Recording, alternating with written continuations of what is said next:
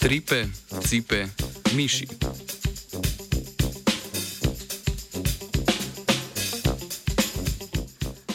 Raziskovalna skupina iz Združenih držav je objavila nekatere rezultate predklinične študije derivata LSD, imenovanega 2-bromo LSD.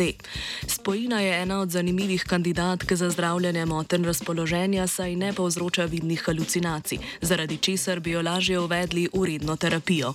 O svojem raziskovanju so poročali v reviji Cell Reports, študijo pa je podprlo podjetje Better Life Pharma.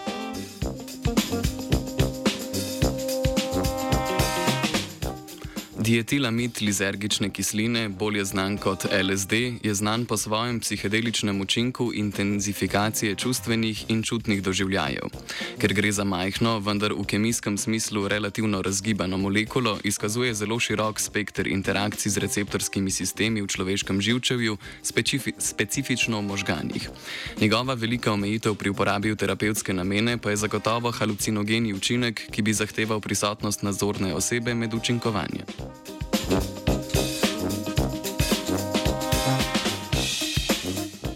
Znanstveniki in znanstvenice zato zanima, ali je psihedelični učinek sploh mogoče ločiti od terapevtskega, saj mehanizmov antidepresivnega delovanja še ne razumemo do potankosti. Ena od teorij pripisuje blagodejne učinke izrazito povečani tvorbi novih nevronskih povezav po aplikaciji LSD-ja. Želijo izdelati in preizkusiti takšne strukturne sorodnike LSD-ja, ki bi hitro izboljšali razne komorbidnosti, ki jih pojmujemo z izrazom motne razpoložen, naj omenimo ponavljajoče se depresivne in euforične epizode. Želijo si tudi zmanjšanje stranskih učinkov glede na LSD, kar bi olajšalo upeljavo to vrstne terapije. Thank you.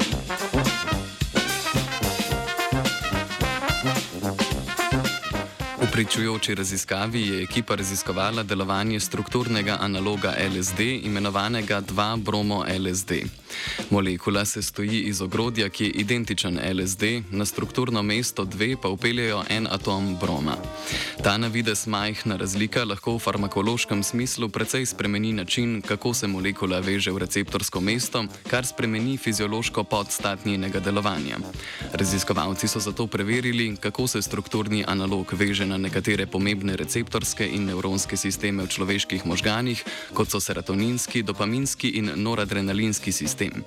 Poleg tega so s posebnim zanimanjem za prisotnost vidnih halucinacij preverili, kako se dve bromo LSD obnaša v testnih miših.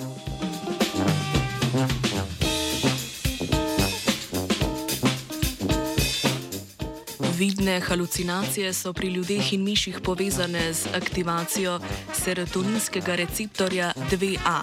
Miše halucinacije povezujemo s specifičnim trzanjem glave, ki pa ga 2-bromo LSD ni sprožal.